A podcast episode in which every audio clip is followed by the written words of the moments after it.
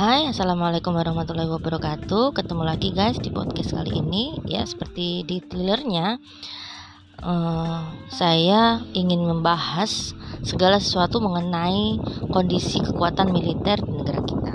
Ya, uh, seperti yang kita tahu, ya baru-baru ini terjadi ya kita mengalami kedukaan yang sangat mendalam dari tenggelamnya kapal KRI kapal selam KRI Nanggala 402 yang sudah dikonfirmasi resmi oleh Panglima TNI memang tenggelam di dasar laut dengan kedalaman 800-an meter. Ya uh, kita doakan kita sama-sama berduka kita doakan semoga 53 awak kapal kru di kapal selam ini menjadi syuhada dan uh, penjaga kedaulatan RI ya amin.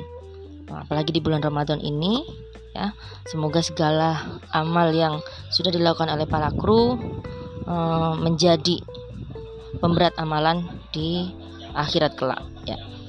Uh, berbicara mengenai alutsista sebenarnya ini hal yang sangat-sangat penting bagi negara kita. Apalagi Indonesia ini kita ketahui sebagai negara maritim ya kelautan dengan batas uh, pantai garis pantai yang paling panjang di negara Asia maka uh, sudah semestinya Indonesia memiliki kekuatan militer yang lebih ya daripada negara-negara yang lain yang ada di Asia Tenggara. Nah, Padahal ya tantangan Indonesia kita tahu sendiri sebagai ya salah satu unsur dari pembentuk kekuatan militer dari sebuah negara, alutsista atau alat utama hmm, sistem pertahanan menempati posisi yang sangat penting. Selain upaya untuk mempertahankan negara, alutsista itu juga menjadi sarana untuk menunjukkan kewibawaan sebuah negara. Nah, Indonesia ini menghadapi dua tantangan. Yang pertama, kondisi alutsista kita itu masih ketinggalan dengan teknologi terbaru ya. Kita coba bandingkan saja di uh, dengan negara di Singapura uh, kemudian Thailand Vietnam ya. Itu uh, sangat jauh berbeda. Yang kedua pengadaan alutsista Indonesia itu masih tergantung dengan pihak luar ya. Ini menjadi satu problem yang harus uh, jadi perhatian para uh, pemegang kebijakan bahwasanya harusnya kita bisa mengadakan mengadakan sendiri bagaimana eh, barang-barang ya pengadaan alutsista itu. Ya saya yakin, saya yakin anak-anak negeri kita itu sangat ahli untuk uh, diminta membuat barang-barang teknologi ya. Jadi untuk pengadaan alutsista sendiri uh, seperti dilansir di kompas.com pada tahun 2009 19 uh, di tahun 2010 saja anggaran untuk uh, pertahanan itu hanya 40 triliun. Ya memang memang sangat jauh ya. Tapi uh, di tahun 2020 ini mengalami peningkatan yang signifikan yaitu 127 triliun, tapi ini masih kecil dibanding dengan anggaran untuk belanja pegawai. Jadi memang uh, kondisi alutsista kita itu men harus menjadi perhatian tersendiri ya uh, Indonesia sebenarnya bisa membangun industri pertahanan dalam negeri ya semestinya itu memang harus terjadi. Jadi industri-industri yang digalakkan itu harus berorientasi untuk membuat alat-alat ya persenjataan untuk mempertahankan uh, kekuatan dalam negeri. Pengembangan industri pertahanan itu yang harus dilakukan ya karena uh, memiliki SDM kemudian uh, alat-alat yang uh, utama untuk menjaga itu tentu ya uh, menjaga kedaulatan negara yang paling utama.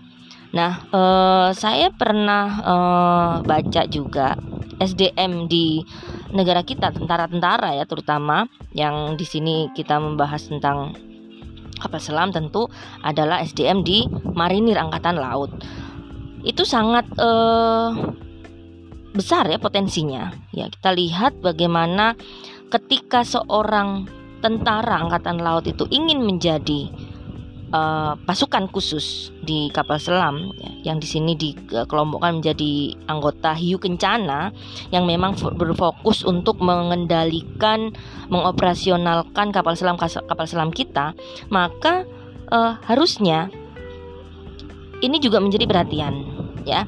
Uh, prajurit TNI itu uh, harus diproyeksikan untuk bisa mengoperasikan kapal selam yang dikirim.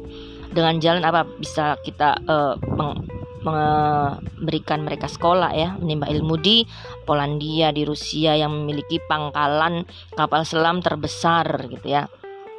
Nah jadi dari sisi SDM-nya sendiri saya, saya kira sudah sudah cukup potensi sudah cukup maksimal optimal untuk bisa me memperkirakan apakah ini adalah kesalahan human error ataukah tidak. Saya kira bukan bukan human error ya, tapi kalau saya melihat dari berita-berita ya spekulasi yang berseliweran di sos di jagat sosmed, saya kira memang lebih kepada kualitas dari uh, persenjataan dan kualitas dari alutsista kita. Ya kalau kita ketahui Indonesia sendiri itu memiliki 12 kapal selam yang yang beroperasi sekarang hanya 5 ya. Hanya 5 yang pertama adalah Cakra 401 ya Nanggala 402 kemudian Nagabanda, Trisula, Nagarangrang, Chandrasa, Wijaya Danu, Indrajaya, Bramasta, Pasopati, Cundamani, dan Alogoro. Yang paling muda adalah Alogoro yang memang dia baru datang dari Korsel, gitu ya. Uh, hanya saja dari ke-12 ini 5 5 yang terakhir itu um, hanya yang beroperasi ya. Ya entah kenapa yang lainnya um, masih masih dipertanyakan uh, masih belum ada ya. Jadi ini menjadi menjadi perhatian kita juga ya. Jadi misalkan seperti kita harus tahu spesifikasi dari KRI Nanggala 402 ini. Dia dibuat galangan kapal di Jerman di Kiel Jerman Barat di tahun 81. Setelah kontrak efektifnya itu ditandatangani pada tahun 77. Jadi KRI Nanggala 402 ini dia memiliki saudara kembar yang sama spesifikasinya tipenya 209 1300 buatan HDW Jerman uh, dengan cakra 401 ya jadi sama tipenya punya saudara kembar ini nah kapal selam tepi ini juga dibuat secara lisensi dan dikembangkan di beberapa negara. Ya di antaranya di Daewoo Shipbuilding and Marine Engineering di Korea Selatan ya menjadi kelas jangbo yang yang kemudian kita juga mendatangkan uh, kapal selam selanjutnya itu di dari Korsel. Jadi kapal selam buatan Korsel ini dibeli Indonesia dengan skema yang semula adalah 6 unit kemudian membangun kapal selamnya di dermaga PT PAL Surabaya. Tiga dari kapal selam cela, uh, kelas Jangbo Go ini sudah datang ya. Yang pertama KRI Nagapasa 403, Arda Dali 404 dan KRI uh, eh, Alugoro 405 yang baru-baru datang kemarin. Ya, jadi uh, kapal selam yang berada di kelas menengah dengan sistem propulsi konvensional, bayangkan ya. Jadi ini uh, Nanggala 402 ini adalah kapal selam kelas menengah dengan sistem propulsi konvensional yakni non nuklir dengan tipe 209 1300 digerakkan dengan motor listrik Siemens low speed yang darah, da, dayanya itu hanya sekitar 21 knot di bawah laut ya. Uh, total dayanya ya adapun total daya yang mampu dihasilkan itu dia mampu menghasilkan 5000 uh, shaft horsepower untuk uh, kapasitas baterai listriknya mampu menyimpan daya listrik yang dia me, disuplai 4 generator mesin ya. Jadi 20% uh, bobot total dari kapal selam itu adalah uh, berisikan baterai-baterai listrik itu. Jadi 20% dari bobot kapalnya. Padahal bobot keseluruhannya itu 1395 ton ya. Makanya uh, dikatakan uh, tipenya 209 1300. Secara dimensi dia panjangnya ya di KRI Nanggala ini 59,5 meter dengan diameter luar 6,3 meter dan diameter dalamnya 5,5 5,5 meter. Jadi bayangkan aja dengan kompartemen yang isinya atau yang diameternya itu dia 5,5 meter panjangnya dia 59 meter dihuni 53 awak kapal Jadi memang uh, pasukan khusus hiu kencana ini dilatih dari sisi kekuatan mental. Jangan dibayangkan bahwasanya kapal selam ini memiliki jendela-jendela yang bulat-bulat kayak jendelanya kapal pesawat ya. Pesawat pesawat terbang gitu yang dia mempunyai jendela yang bisa dibuka tutup bisa ngelihat apa ini ke, uh, keindahan laut. Enggak enggak banget gitu ya. Di dalam kapal selam uh, bagi yang pernah masuk di dalam kapal selam. Ini kapal selam ini nggak punya jendela guys. Coba bayangin gimana uh, kondisi mental kondisi psikologis dari para kru ini uh, selama beberapa beberapa hari ya katakanlah tujuh hari ya itu paling minimal kayaknya. Mereka berada di bawah laut dengan kondisi yang di ruang tertutup. Ketemu orang-orang itu aja, kondisi ruang tertutup, oksigennya juga harus dimin, uh, dihemat-hemat. Jadi eh, nggak uh, bisa kita itu uh, orang yang emosian, labil ya, baper, alay itu bisa menjadi awak kapal uh, hiu kencana ya, nggak banget kayaknya ya. Jadi bisa dibayangkan betapa memang kekuatan mental dan uh, spiritual ya psikologisnya de, dari hiu kencana itu sangat besar ya. Kemudian eh, kita berbicara masalah senjata yang dimiliki KRI Nanggala ya. Jika menyelam itu memiliki ke kecepatan 21,5 knot. Ya, spesifikasinya itu spesifikasi dasar sebenarnya sih.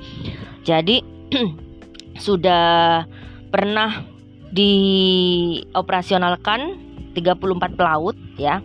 Uh, dia mengandalkan sonar CSU 32 Suite ya. Jadi One Ping ini adalah uh, ujaran jadi dari komandan kapal selam yang sering kali dilontarkan untuk mengaktifkan sonar jadi One Ping ya, untuk mendeteksi kehadiran kapal selam lawan tuh ya jadi sonar sonarnya ini sonar yang yang uh, bisa dikatakan dia masih kelas menengah jadi belum bisa eh, canggih-canggih amat gitu ya. Ya KRI Nanggala ini dibeli langsung dari negara pembuatnya Jerman ya uh, dalam kondisi yang baru sebenarnya. Jadi enggak kalau dikatakan di berita itu dia uh, kapalnya tua, sebenarnya itu bukan satu hal halangan juga karena banyak juga kapal-kapal AS bahkan ya itu kapal-kapal tua yang memang uh, masih bisa beroperasi ya. Tapi ya kita tahu sendiri kalau kapalnya AS itu meskipun dia tua kondisi per, uh, senjatanya kemudian apa isinya itu sudah canggih-canggih bet ya. Ya janganlah dibandingkan dengan persenjataan yang ada di kapal selam Nanggala. Kemudian uh, dia bisa uh, mendeteksi tapi di di kelas menengah ya. Uh, kemudian di sisi torpedo dia memiliki 14 torpedo 14 eh, torpedo 21 inci uh, panjangnya sekitar 533 mm untuk di bawah permukaan laut ya itu periskop Zeiss yang disematkan itu buatan dari masinis Bau Gabler jadi ada dari Jerman juga ya. Ya sebenarnya dari sisi uh, kualitas juga lumayan kalau buatan Jerman itu. Di tahun 2021 dia uh, lagi menguji menguji untuk menembakkan torpedonya di Pulau Bali itu ya. Ya, akhirnya puncaknya di ta tanggal 25 kemarin ya, uh, di hari Rabu, di hari Rabu 21 ya. Itu uh, tenggelam di di dasar laut ya. Ketika sudah meminta izin untuk menembakkan torpedo ya. Jadi uh, ini adalah misi yang belum berhasil sepertinya ya. Dari sejarah operasional ya sebenarnya KLI Nanggala dengan saudara kembarnya Cakra 401 itu pernah pernah bertugas ya sejarahnya cukup panjang di tahun 2002 itu sudah pernah terlibat dalam uh, latihan gabungan. Nah, ini ini sebenarnya yang harus dikritisi juga kenapa harus ada operasi gabungan, operasi pelatihan gabungan antara uh, Navy SEAL, ya, yakni angkatan lautnya AS, kemudian uh, angkatan lautnya Rusia dan angkatan lautnya Prancis itu itu mulai di tahun 2002 dan sama juga uh, lokasinya di Laut Jawa, Selat Bali dan Situbondo. Jadi ini operasi latihan gabungan ini kenapa mesti ada? Sekarang coba logikanya begini, ketika kita mau me menyerang atau mempertahankan ya minimal lah mempertahankan atau defensif, uh, kita berupaya untuk mengetahui senjata lawan, ya kan? Jadi kalau kita mau operasi gabungan, kemudian kita mempertontonkan senjata kita, nah otomatis kan berarti kita menunjukkan kelemahan kita kepada lawan. Itu kan nggak banget sebenarnya, nggak masuk akal sekali. Nah ini yang harus, yang harusnya itu uh, kenapa harus ada gitu ya operasi operasi uh, pelatihan bersama ini itu yang uh, saya pertanyakan itu waktu saya masih SD ya saya sering diajak karena uh, dulu SD saya SD di lingkungan angkatan laut ya uh, TK-nya uh, Hang Tua ya punya angkatan laut. Jadi uh, sering sekali diajak ke Armatim ya ini uh, kawas apa Armada Timur di mana memang ini adalah kawasan terbesar uh, menjadi satu-satunya pusat uh, kekuatan angkatan laut di Indonesia itu ada di Armada Timur ya. Uh, pernah diajak ke sana Kemudian banyak sekali, banyak sekali kapal asing berseliweran. Pas waktu itu saya tanya kenapa ada kapal asing di sini. Oh, mereka latihan bersama. Jadi sudah sudah berapa rat, berapa puluh tahun ya? Uh, mungkin SD kelas 5 itu sekitar uh, eh, 15 tahun lebih itu sudah mengadakan kerjasama untuk latihan bareng. Itu kan kalau pas dipikir aja orang awam, kalau latihan bareng begitu kan kita mempertontonkan kelemahan kita, kita nunjukin ini senjata kita ini ya. Uh, ya mungkin ada senjata senjata pamungkas yang nggak ditunjukin tapi kan itu kecil. Akhirnya uh, menunjukkan persenjataan kita ke pihak luar ya. Harusnya kan itu tidak tidak terjadi ya. Kemudian uh, yang sering dilakukan itu adalah di tahun uh, 2004 itu operasi laut gabungan ya uh, ini lagi-lagi juga adanya kerjasama kerjasama militer uh, dengan pihak luar untuk memberantas adanya penyelundupan. Ya sebenarnya ini juga membuktikan bahwa kekuatan kita nggak nggak nggak punya. Kita nggak punya bargaining position di uh, negara lain. Kenapa kita harus meminta bantuan negara lain dengan adanya kejahatan uh, kejahatan laut ya di perairan kita ya ya harusnya kita bisa berdikari lah bisa uh, mandiri ya berdaulat sendiri. Ini kan kedaulatan negara juga di dipertanyakan juga kalau kondisinya seperti itu. Nah uh, setelah melihat kekuatan persenjataan ya spesifikasi yang dimiliki oleh KRI Nanggala memang nggak salah. Kalau ada spekulasi atau asumsi yang beredar di Jakarta Sosmed mengatakan bahwa oh ini ada ada ada kabar yang begini ya. Karena adanya apa namanya uh, latihan dari kapal selam yang lain ya. Memang tidak salah ada spekulasi seperti itu. Karena melihat dari spesifikasi persenjataan kita aja jauh jauh beda ya. Jauh beda dengan torpedo 14 kemudian kita hanya punya uh, yang aktif dari 12 itu yang aktif hanya 5 termasuk di sini Nanggala 402 ini ya sedangkan Cakra 401 kemudian Na Nagabasa 403 ya Arda Dedali 404 kemudian yang terakhir adalah Alugoro yang baru-baru datang ini.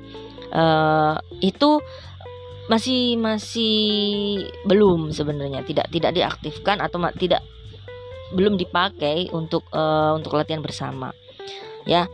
Uh, kalau kita menilik sebentar menilik ke belakang uh, sebenarnya angkatan laut kita itu punya punya punya prestasi apa? Ya yang sampai dianggap dia seolah-olah kita itu punya seneng gitu ya. Dianggap oleh uh, negara luar itu kekuatan militernya itu wah gitu ya.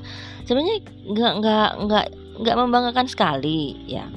Harusnya memang kekuatan yang seperti itu ya nggak uh, boleh orang apa negara lain itu tahu itu itulah menjadi apa senjata pamungkas bagi pertahanan ya sistem pertahanan negara kita gitu ya kekuatan itu yang harus kita uh, simpan untuk nantinya ketika ada ancaman dari negara lain itu kita bisa mengeluarkan itu gitu. jadi di sini dilansir dari CNBC ada tujuh uh, kekuatan militer, kekuatan militer angkatan laut yang memang digadang-gadang ya kekuatan angkatan lautnya itu sangat besar ya mengagumkan ya. Yang pertama yang ketujuh ya the, ang, uh, peringkat ketujuh ada India. Ya India dengan negara yang kecil anak benua itu dia punya eh kalau dibandingkan Indonesia luas banget po ya. Jadi dia punya 17 kapal selam 23 kapal korvet 10 kapal perusak 13 kapal fregat satu kapal induk itu Kemudian di peringkat ke-6 ada Korsel ya tentunya apalagi kita mendatangkan kapal juga dari sana. Korsel itu punya 26 kapal patroli, 12 kapal korvet, 14 kapal fregat, 22 kapal selam.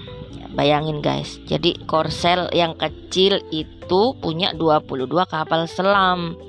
Coba luasnya negaranya aja mungkin lebih luas daripada Kalimantan, Pulau Kalimantan.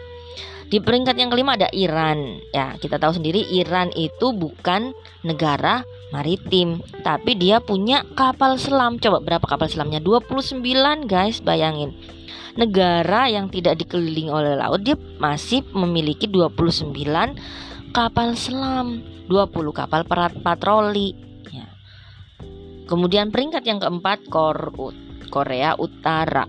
Ya, di mana memang ini uh, kekuatan militernya memang tidak bisa tidak bisa di apa namanya diremehkan ya. Dia punya 36 kapal selam, 9 kapal fregat, 250 kapal patroli. Peringkat ketiga ada Rusia dengan 64 kapal selamnya ya. Eh, kapal patrolinya 55 dan 85 kapal korvet. Peringkat kedua ada Cina dengan 74 kapal selam, 2 kapal induk. Jadi yang uh, Rusia, kemudian Korut, kemudian uh, Iran, uh, Korsel itu tidak memiliki kapal induk ya. Hanya Rusia. Rusia kapal induknya dia punya satu. Tuh. Uh, kemudian Cina ya peringkat yang kedua ada Cina dengan kapal induknya 2, 74 kapal selam dan 72 kapal perusak ya. Kemudian eh, yang pertama diduduki oleh AS dengan 68 kapal selam memang eh, ini adalah negara adidaya ya, memang negara dengan kekuatan kekuatan militer yang tidak bisa uh, ada tandingannya ya. Bahkan sekelas Jerman pun tidak bisa menandingi kekuatan dari uh, adidaya AS ini. Jadi dia punya 68 kapal selam dengan kapal induk itu 11 yang paling terkenal adalah Dwight Eisenhower uh, kalau pernah lihat uh, Civil War di Avenger ya itu uh, kapal selamnya uh, kapal induknya kayak gitu. Ya gede banget. Dia bisa mengangkut helikopter kemudian belum lagi ditambah uh, kapal amfibi ada 13 kapal patroli. Bayangin aja kapal induknya itu ada kapal patrolinya di situ dengan adanya helikopter. Nah helikopternya uh kayak gak mungkin dihitung itu ada mungkin 20-an helikopter yang ada di kapal induknya AS ya. Uh, ini kan menjadi menjadi satu satu peringatan sebenarnya bahwasanya kekuatan militer kita itu sangat-sangat jauh dari eh, negara-negara uh, yang lain. Apalagi Indonesia itu memiliki garis pantainya yang paling panjang di Asia Tenggara kalau Indonesia yang e, garis pantainya aja yang paling panjang, kenapa hanya punya 12 kapal selam, hanya 5 yang aktif? Nah, itu yang patut, patut dipertanyakan.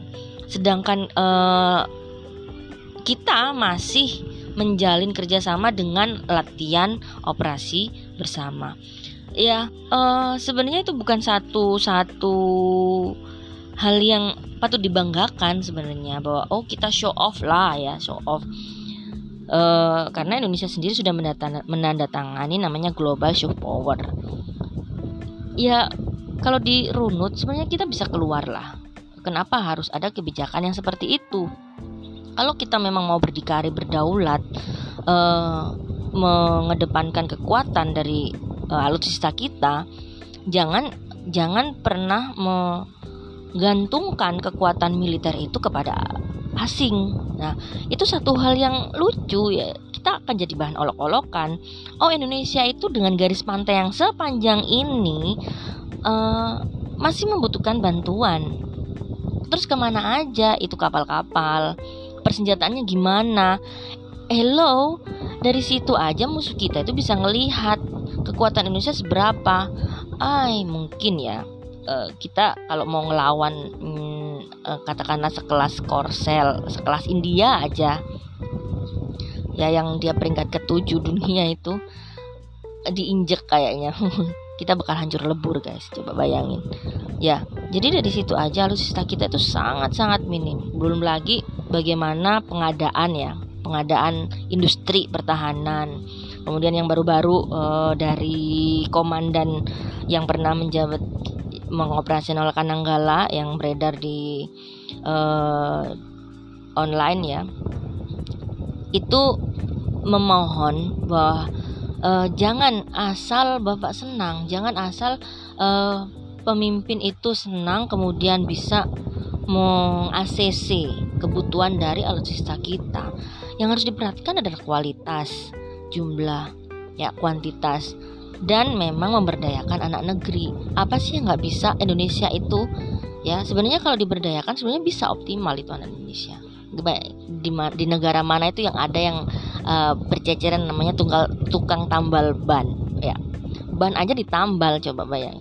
Jadi kenapa mesti harus mendatangkan pengadaannya dari luar kalau memang bisa kita membuat PT PAL-nya itu di apa namanya optimalkan sendiri untuk bisa membuat.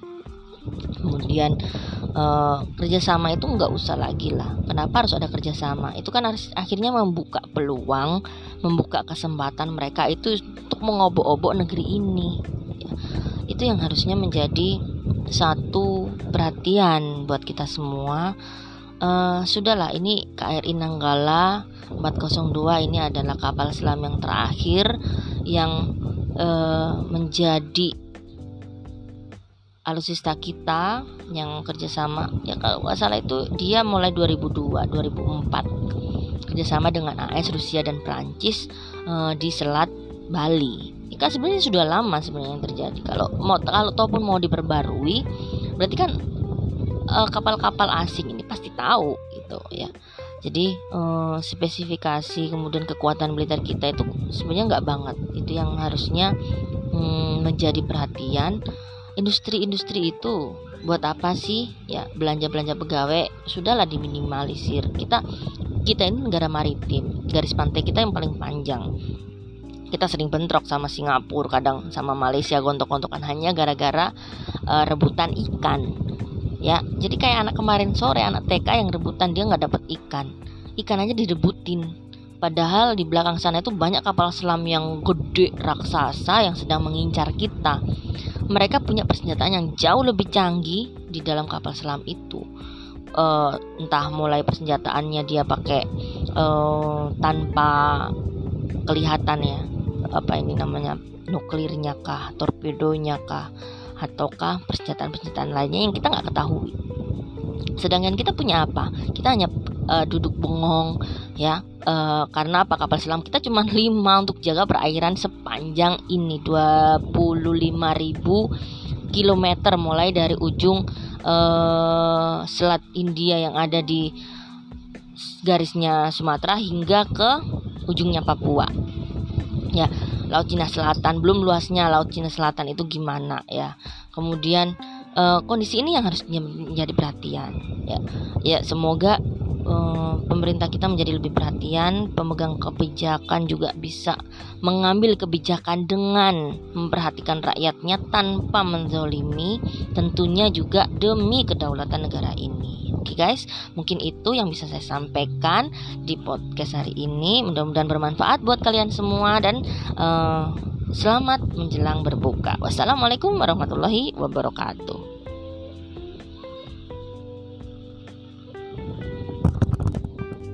you